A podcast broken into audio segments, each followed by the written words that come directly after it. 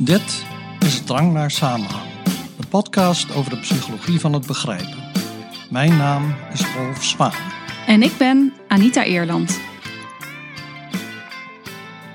Nou, hij loopt. Ja, wacht even. Ik doe nog even het licht aan. Want het is behoorlijk donker aan het worden. Ja, want ik zit zo uit het raam te kijken, maar ik denk dat we zo een eh, flink pak sneeuw gaan krijgen. Dat zou ik eigenlijk wel leuk vinden. De afgelopen dagen was het eh, net alsof het zomer was hier. Ja, en ik kan eigenlijk nog wel mijn nieuwe skis uitproberen, dus hopelijk krijgen we die kans. Nou, tot het zover is, blijven we maar even binnen. Dan kunnen we een mooie nieuwe aflevering van de podcast opnemen. Ja, want waar gaan we het vandaag over hebben? We gaan het hebben over vooroordelen. Mhm. Ja, want om de wereld om ons heen te begrijpen, moeten we continu informatie verwerken. En daar zijn we best wel goed in. Daar hebben we het al vaker over gehad. En dat komt deels omdat we gebruik maken van allerlei trucjes die vaak, maar niet altijd, het gewenste resultaat opleveren. En daar hebben we het al uitgebreid over gehad in aflevering 11 bij uh, Kort door de bocht denken. Ja. Um, en die trucjes worden binnen de psychologie ook wel cognitieve biases genoemd. En wij hebben het dan steeds over vooroordelen. Mhm. Nou vind ik dat een heel erg leuk onderwerp, die biases, omdat er allerlei denkfouten, uh, nou het zijn eigenlijk allerlei denkfouten, Mhm. die best wel vaak voorkomen en die ook heel erg, heel erg herkenbaar zijn. En ik vind het leuk dat het uh, allerlei onbewuste processen zijn, dus die je eigenlijk heel moeilijk bewust kan uh, beïnvloeden en die je dus terugziet in het dagelijks leven. Nou, weet je niet altijd dat er sprake is van een uh, bias of een vooroordeel, dus om het daarover te hebben, ja, dat kan heel verhelderend zijn. Nu is er best wel veel onderzoek al gedaan naar al die verschillende vooroordelen. En er zijn ook heel veel verschillende soorten vooroordelen al uh, geïdentificeerd. Maar het meeste onderzoek hiernaar richt zich steeds op één zo'n specifiek vooroordeel. Soms worden er een aantal samen onderzocht, maar meestal gaat het om één specifieke of één specifiek vooroordeel in een bepaalde context. Maar als je op die manier daar onderzoek naar doet, dan mis je dus de kans om die vooroordelen onderling te vergelijken en te kijken of er misschien een uh, gemeenschappelijke deler is. Ja, het doet een beetje denken aan het idee dat je wel eens ziet in de literatuur van uh, elke psycholoog of, uh, heeft zijn eigen theorie, zoals, zoals hij zijn eigen tandenborstel heeft, bij wijze van spreken. En dat is ook een beetje zo met cognitive biases, met vooroordelen. Er is een, een lange lijst van vooroordelen. Het is net alsof elke onderzoeker er één heeft ontdekt. Mm-hmm. Zo erg is het niet hoor, ik chargeer, maar de lijst is wel lang. En onderzoekers hebben nu geprobeerd om die lijst te reduceren tot een beperkt aantal vooroordelen. Waar je dus zegt van, nou ja, deze groep vooroordelen, die hebben eigenlijk allemaal dezelfde oorzaak. Daar ligt hetzelfde mechanisme aan ten grondslag. En dus die onderzoekers hebben als een soort wetenschappelijke Marie Kondo's uh, geprobeerd orde aan te brengen in die uh, intellectuele klerenkast van de vooroordelen. Ja, die onderzoekers die zeggen eigenlijk dat er uh, dus bepaalde overtuigingen zijn die ten grondslag liggen aan verschillende vooroordelen. Mm-hmm. Um, en ze zeggen ook dat de manier waarop mensen dan met nieuwe informatie omgaan, dat die dat dan uh, bevestigen. Dus dat je Ja. gebruik maakt van de confirmation bias. Mhm. Daar hebben we het ook al vaak over Ja, gehad. Dus bevestigingsvooroordeel. precies, Ja. dat je dus nieuwe informatie zo verwerkt en interpreteert dat die overeenkomt met ja, jouw eerdere overtuigingen.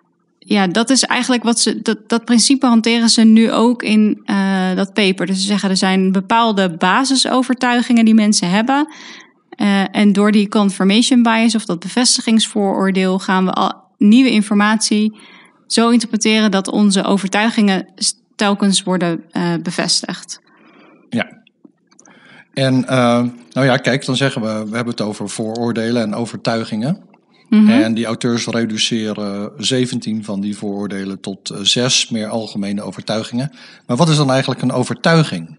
Nou, een overtuiging is een hypothese over de wereld. Dus bijvoorbeeld klimaatopwarming, uh, klimaatopwarming wordt door mensen veroorzaakt. Of Arne Slot is de beste trainer aller tijden. Of de aarde is plat. Mm-hmm. En in het dagelijks leven vormen we dus de hele tijd dat soort hypothesen over hoe de dingen zijn of hoe ze zijn verlopen. En dat worden dan overtuigingen van ons.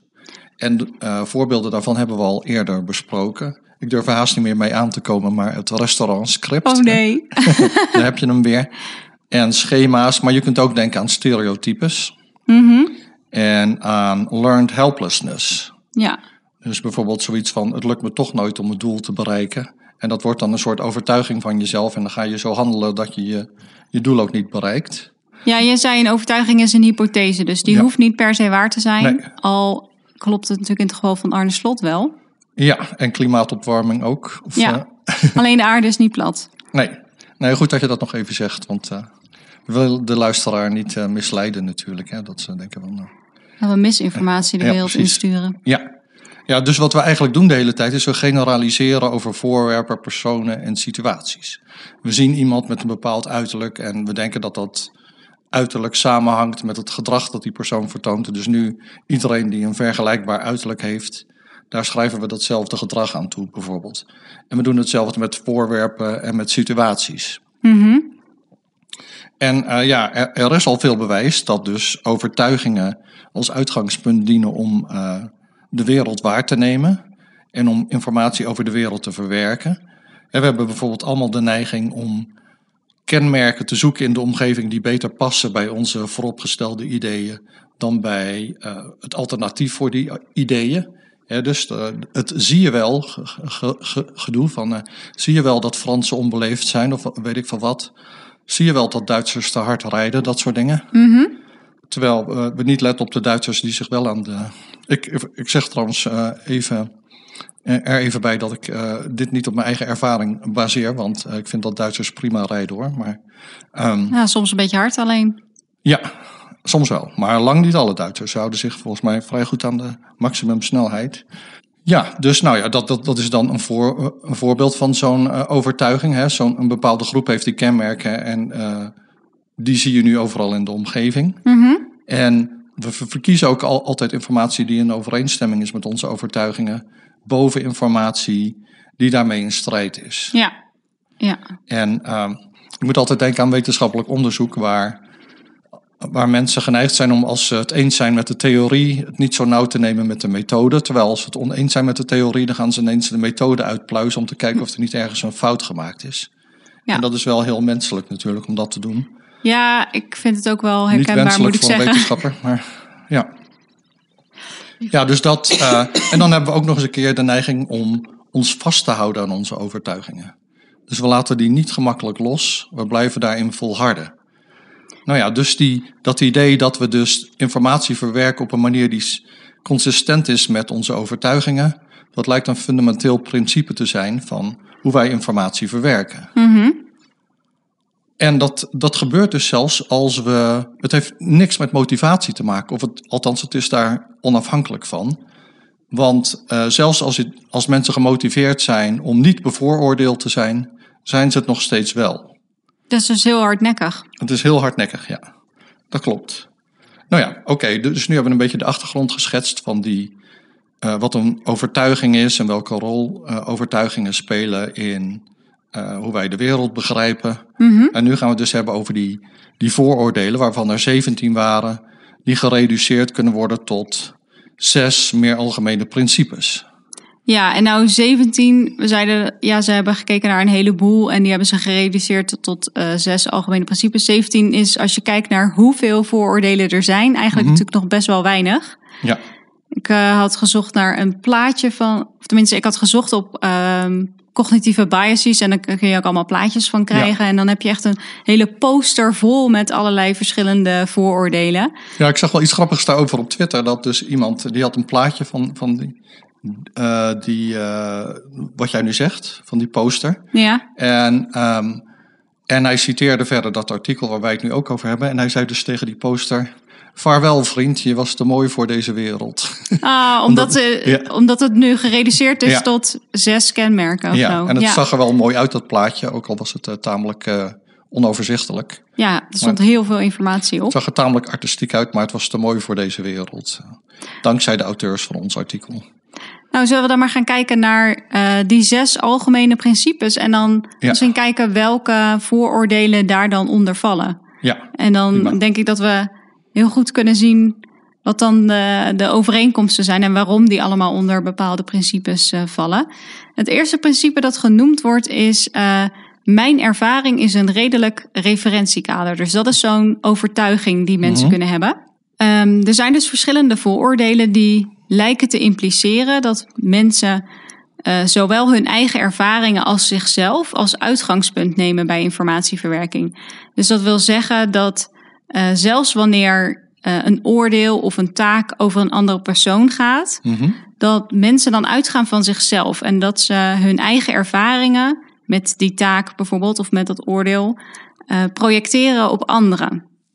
En een Ja. concreet voorbeeld daarvan is bijvoorbeeld de vloek van kennis. Ja. Daar hebben we het volgens mij ook wel eens eerder over gehad. Die vloek van kennis laat zien dat mensen het heel lastig vinden om er rekening mee te houden dat andere mensen over een bepaald onderwerp minder verstand van zaak hebben, minder kennis Ja. dan zijzelf. Dus ze gaan ervan uit dat andere mensen net zoveel weten over een bepaald onderwerp als eh, zijzelf. Ja, en dat, en dat hoeft niet iets wetenschappelijks te zijn. Dat kan ook zijn iemand die je vertelt over Piet en Nelly. Terwijl jij geen idee hebt wie Piet en Nelly zijn. Precies, maar dan veronderstel je dat iemand anders Ja. wel weet eh, over wie je het hebt. Ehm, ja, dus, dus dat, dat je je eigen ervaring neemt als referentiekader en ervan uitgaat dat dat eh, oké is. Mhm. Dat is dus eh, dat eerste eh, principe. Nou, dan kunnen we kijken welke vooroordelen horen daar dan bij. Mhm. Ehm, sommige namen klinken misschien een beetje ja, kunstmatig, want eh, al die termen zijn natuurlijk in het Engels en we hebben geprobeerd om ze zo goed mogelijk te vertalen. Ja. Maar het eerste is het schijnwerper-effect. Let's be in the spotlight. Precies. Dat, dan moet ik meteen denken aan dat filmpje van. Ken je dat? Dat heb ik volgens mij wel eens doorgestuurd. Dan eh, eh, staat er een pak Mie in de hoek. Oh ja, ja, ja. en dan zit er zo eh, Ja. dat liedje onder van Ja, ja. That's Me in the Corner. Oh ja, nee, ik moest echt denken aan R.E.M. Ja. Nou, vond ik, vond ik leuk. Mhm. creatief. Maar goed, het schijnwerper-effect. Daarvan is sprake als je overschat in hoeverre jijzelf of een bepaald aspect van jou wordt opgemerkt door anderen. Dus je denkt bijvoorbeeld dat als jij eh, een klein foutje maakt in iets wat je zegt of iets wat je doet, ehm, dat, dat dat heel erg in het oog springt bij andere mensen. Dat het heel erg opvalt, dat iedereen daarop let, terwijl dat in feite waarschijnlijk niet zo is. Dus alsof er een schijnwerper op jou Ja. of op wat jij hebt gezegd of gedaan gericht is. Ehm, ja, en dat, dat effect treedt natuurlijk op als jij denkt dat, dat jij zelf een goed referentiekader bent. Dat Mhm. jij Want jij merkt het Als- wel op. ja, precies. Oké, dan eh, is er een tweede, dat is de illusie van transparantie. Eh, dat is wanneer we overschatten in hoeverre anderen onze eigen gemoedstoestand kunnen aflezen aan ons. Ja. Dus ehm, stel je voor dat je een praatje moet geven en daar ben je ontzettend zenuwachtig voor. Dan ga je ervan uit dat andere mensen dat heus wel aan jou zien. Mhm. Dat zij eh, jouw gemoedstoestand makkelijk kunnen aflezen. Eh, of dat anderen heus wel zien of weten dat jij van binnen kookt. Ja. Eh, waarschijnlijk niet als je een praatje moet geven, maar daar zijn weer andere oorzaken voor. Ehm, ja, dat overschatten we. Dus we denken dat mensen dat goed doen of kunnen. Mhm. En dat is eigenlijk niet zo, of minder dan we verwachten. Dan heb je een beetje daaraan gerelateerd, maar ook nog de illusie van transparante, transparante intentie. Mhm. Ehm, en dat is dat we overschatten eh, in hoeverre een intentie achter een dubbelzinnige uitleg duidelijk is. Ja. En ik vond zelf eh, het, het voorbeeld van sarcasme hier wel handig om, om dit eh, concreter te maken. Dus als jij zelf iets zegt en je bedoelt het sarcastisch, Ja. dan denk je dat andere mensen dat heus wel doorhebben, dat je dat zo bedoelt. Maar dat is niet altijd zo. Soms denken mensen dat wat je zegt, dat, dat je dat serieus meent. Mhm. En dat leidt altijd tot hele ongemakkelijke situaties als dat zo is. Ja, ik heb dat zelf wel eens als je bijvoorbeeld op een congres bent en je spreekt met mensen die je niet zo goed kent en je spreekt in het Engels en je wilt dan een grapje maken. Mhm. Dan de andere mensen die kennen jou niet zo goed, dus die weten niet of jij iets dan serieus bedoelt of niet. En als zij dan denken dat je serieus bent, maar het was een grapje, ja, dat is altijd heel ongemakkelijk. Ja. ja, dat klopt. Dan gaan ze daar Ja. serieus op in en dan denk je, ja, maar dit was een grapje, moet je dat weer uit gaan leggen. Dus volgens mij treedt dit vooral op als je iemand nog niet zo goed kent. Want anders kun je wel, ja, dan weet je wel wanneer iemand een grapje maakt of hoe iemand dat doet. Ja. Ehm, ja, en soms is dat niet zo duidelijk. En dan kan ik me voorstellen dat het voor anderen handiger is om ervan uit te gaan dat iemand serieus is. Hè, en dan Mhm. dat het een grapje blijkt te zijn dan andersom. Ja, Dat je denkt dat het een grapje is en dan ga je lachen en dan zegt iemand, nee, ik meende dit. ja Dat is eh, denk ik eh, vervelender. dat is denk ik eh, zeker vervelender, ja. Nou, dan is er nog een vooroordeel dat valt onder dit principe. En dat is het vooroordeel van de valse consensus. En dat is de overschatting van de mate waarin iemands meningen, overtuigingen enzovoort worden gedeeld door anderen. Mhm. Dus bijvoorbeeld, je bent op een feestje en je hebt het over een eh, recent nieuwsbericht of zo. Of nou ja, iets waarover mensen eh, verschillende meningen kunnen hebben. En dan ga je ervan uit dat eigenlijk iedereen daar eh, hetzelfde over dat nieuwsbericht of, of de, die gebeurtenis denkt Mhm. als jij. Ja. En ehm, nou, dat is natuurlijk niet altijd zo. Er zijn best wel va- vaak andere meningen, maar je denkt dan dat iedereen, nou waarschijnlijk dat iedereen in dezelfde bubbel zit als Ja. waar, jij in zit. En het laatste vooroordeel dat hierbij hoort is het vooroordeel van de sociale projectie. En dat is dat je verwacht dat anderen zich hetzelfde gedragen en eh, dezelfde attitudes hebben als jij.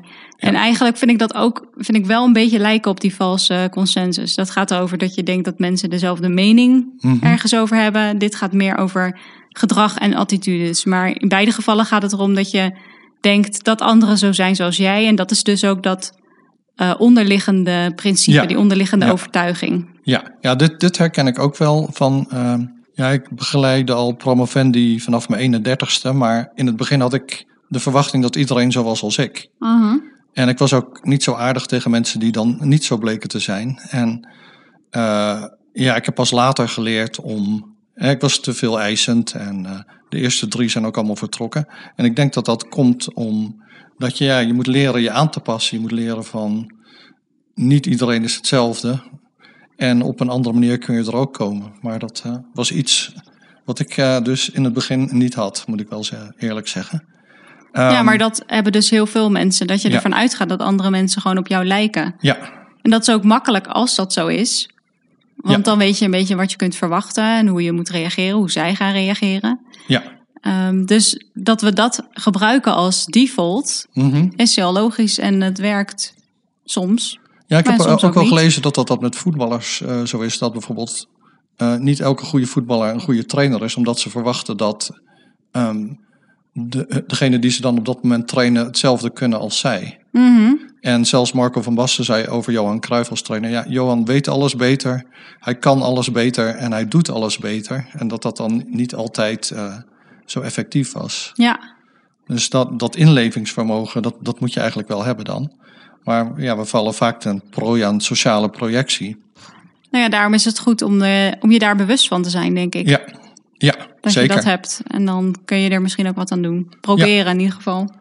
Ja, dat, dat leer je soms wel. Ja, ik verloor mijn eerste drie promovendi, dus toen leerde ik, had ik wel mijn lesje geleerd. Dan weet je wel dat je een andere tactiek moet gaan Ja. eh, gebruiken. Ja. Nou had jij het dus over de eerste categorie, hè, waar dan al die vooroordelen onder viel- vielen. Mhm, ja. En eh, dat was, mijn ervaring is een redelijk referentiekader. Nou, de tweede categorie is, ik maak juiste inschattingen van de wereld. Dat is een overtuiging die we dan allemaal zouden moeten hebben. En we vertrouwen allemaal op eh, onze eigen oordelen, maar we hebben niet hetzelfde vertrouwen in de oordelen van anderen. ja, Dus we zijn eigenlijk overmoedig. En we twijfelen niet systematisch aan ons eigen oordeel, maar wel aan het oordeel van andere mensen. ja, En nou ja, daar horen dan bepaalde, of daar kun je bepaalde vooroordelen onder samenvatten. En een daarvan is het blinde vlek eh, vooroordeel. Nee, het blinde vlek voor vooroordelen. ja. Daar hebben we het over gehad in de aflevering van Anderen Begrijpen. Ik geloof dat dat aflevering 11 was. Maar Nee, ik- elf was kort door de bocht denken. Oh, eh, nou dan kan ik, ik kan het nu niet opzoeken, maar ehm, Ik weet het ook niet meer uit mijn hoofd. Het was, was wel later. Oké, ja. Nou ja, dus, eh, maar wat is dan die overtuiging? Nou, de- die is dat eh, andere mensen wel vooroordelen hebben, maar jij niet. Dus je ziet wel dat anderen bepaalde motieven hebben om iets op een bepaalde manier te begrijpen, maar je denkt dat je zelf ehm, dat helemaal niet hebt, dat je daar Mhm. vrij van bent. Ja, En daar hebben we dus al over gehad in die eerdere aflevering. En wat daar ook onder valt, onder dus dat idee van eh, ik maak juist de inschattingen van de wereld, dat is wat ze noemen de hostile media bias, de vijandige media bi- bias. Dus mediaberichten over conflicten tussen bepaalde groepen Mhm. worden dan gezien als ehm, de media zijn bevoordeeld eh, voor één groep, ten faveur van één groep, ten koste van een andere groep. En je denkt dan altijd dat jouw groep er minder goed van uitkomt, eh, minder goed van afkomt dan de andere groep. Ja, En dat kunnen dan conflicten zijn tussen landen, tussen standpunten, maar ook tussen voetbalclubs bijvoorbeeld. Ajax, oh nee, Feyenoord supporters die vinden dat ehm, de media anti-Feyenoord zijn. Wat eigenlijk ook wel bleek zo te zijn trouwens bij de NOS toch. Die zijn allemaal pro-Ajax. ja, maar dat zeg jij nu als Feyenoord-fan. Dus misschien is dit wel jouw bias. Nou, ik dacht dat dat echt ook bleek uit, die, uit die, eh, dat onderzoek dat gedaan is. Dat ze dan, ze waren niet zozeer anti-Feyenoord, maar anti-PSV. Ze juichten toen PSV verloor, want dat was dan goed voor Ajax, zoiets. In de studio juichten ze. Nou ja, ja, niet zijn in ook- beeld, maar Er zijn ook mensen natuurlijk die eh, zijn misschien ook wel fan van een bepaalde club. Maar Ja. het is wel, ik, ik herken het wel een beetje. Ook de, als je een nieuwsbericht leest over een bepaald onderwerp, dan is het meestal een onderwerp dat je interessant vindt. Anders ga je dat bericht niet lezen. En dan Mhm. als dat bericht een ander eh, inslag heeft dan jijzelf, dan ben je veel kritischer daarop. En dan denk Ja. je, ah, wat een onzin. Ik weet nog Dat jij het had over een oh oh. een diëtiste die eh, zei dat plantaardig eten, ja, dat leidde helemaal. Als we allemaal plantaardig zouden eten, dan zouden we nog steeds meer land nodig hebben, of in ieder geval niet minder dan we nu hebben. En toen dacht ik meteen, wat een onzin. Ja, oh leuk is dat. Ja, dat heb ik ook tegen jou gezegd. Ja, ja. En eh, wat kwam er uiteindelijk uit? Had, eh, had ik gelijk of niet? Of je hebt nee, het gaat er niet om of jij gelijk hebt. Het gaat, die diëtiste zei dat. had. Ja, het was niet dat ik dat zei, maar ik had gelezen dat zij dat zei, ja. Nou, ik heb Ja, later in- nog wel opgezocht, maar volgens mij is dat echt onzin. Het was trouwens, het was wel gewoon een wetenschappelijk onderzoeker, hè? Niet een, eh, een of andere troela die een eh, podcast heeft of weet ik veel wat. Maar het was wel echt een serieuze wetenschap. Nee, want dat ben ik.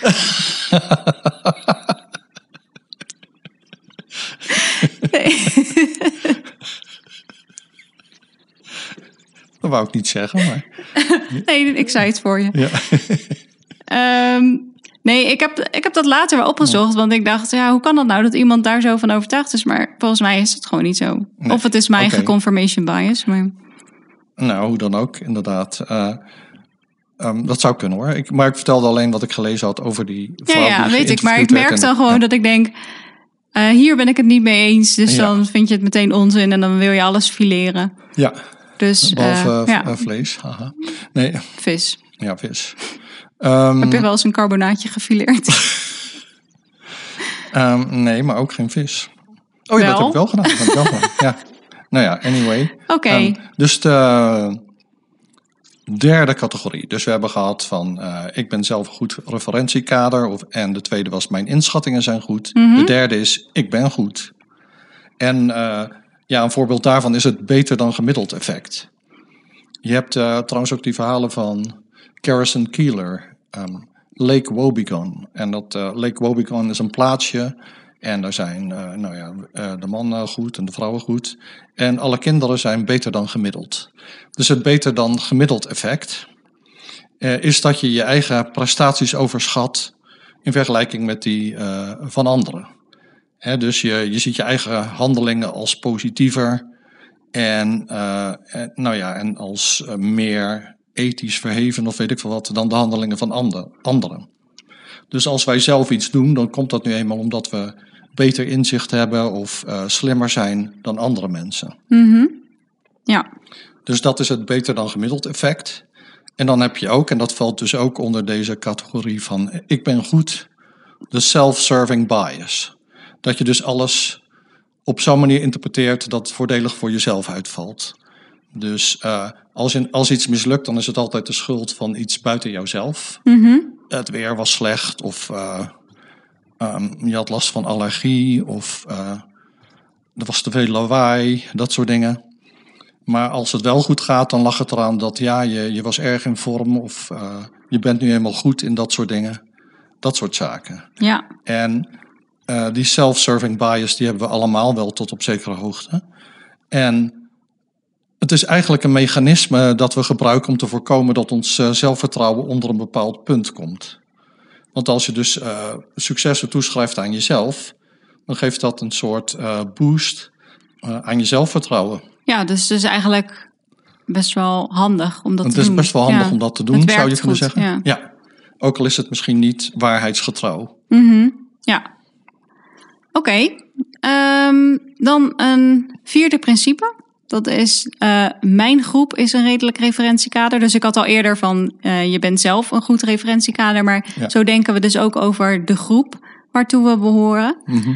En eh, daar horen twee vooroordelen onder. En het eerste is het etnocentrische vooroordeel. Mhm. Dus hoe je naar anderen kijkt, dat wordt gekleurd door de cultuur van de etnische groep waartoe je zelf behoort.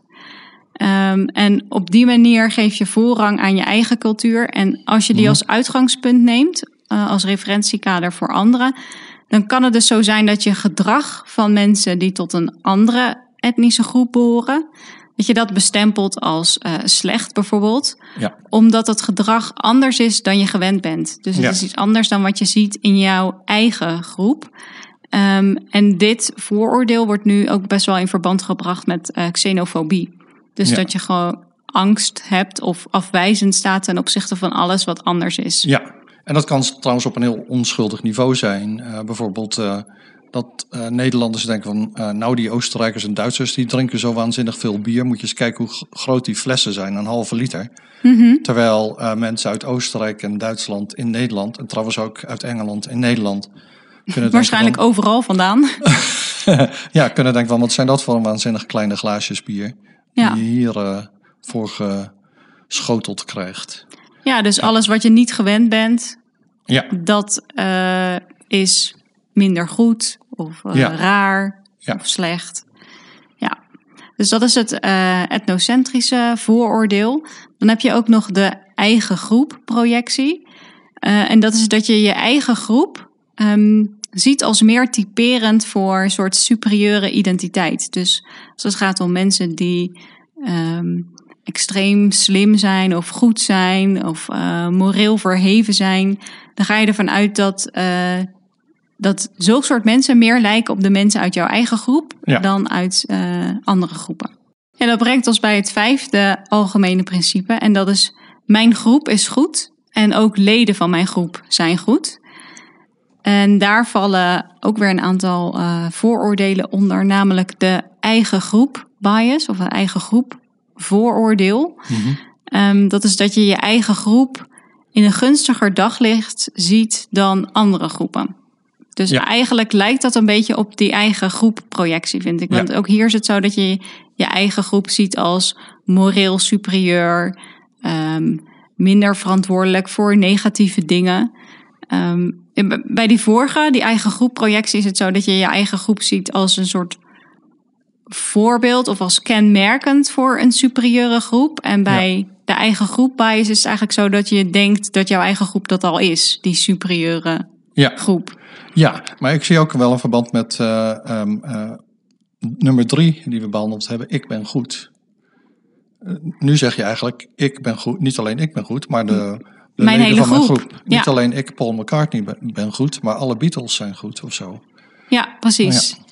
Ja. dat zie je sowieso wel als we, als we dadelijk al die principes hebben gehad. Zie je eigenlijk dat ze steeds gaan over een individu Ja, en over de groep waar de, dat individu Ja. eh, toe behoort. Ja. Ehm, ja, dus deze gaat eh, ja, over mijn, mijn groep is goed en leden van mijn groep zijn goed. En dus jijzelf dan ook.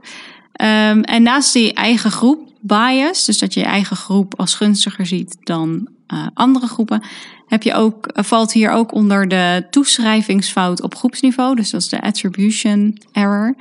Ehm, en daarbij is het zo dat je eh, negatief gedrag van mensen uit je eigen groep. Is dus niet zo dat je zegt die vertonen geen negatief gedrag. Maar als die negatief gedrag vertonen, dan schrijf je dat toe aan eh, de situatie, dus extern. Mhm. Eh, en positief gedrag aan de persoon zelf, dus intern. Dus dat komt weer heel mooi overeen eh, met dat principe waar we dat bij onszelf doen, waar jij het eerder over had. Ehm, En het is zo dat je precies het omgekeerde doet voor mensen uit een andere groep. ja, Dus dan schrijf je negatief gedrag toe aan een interne factor, dus aan de persoon zelf. Mhm. Ehm, en positief gedrag aan de situatie. Ja. Ja, nu zijn er nog twee vooroordelen die passen bij dit principe, maar het wordt best wel een lange lijst met opsommingen op deze manier. Dus ja, ik stel voor dat we gewoon de link in de show notes zetten, dat mensen dat zelf kunnen nalezen als ze willen en dat we gewoon nu naar dat uh, laatste principe gaan. Ja, en dat is uh, nummer zes. Eigenschappen van mensen zijn bepalend en niet de situatie of de context.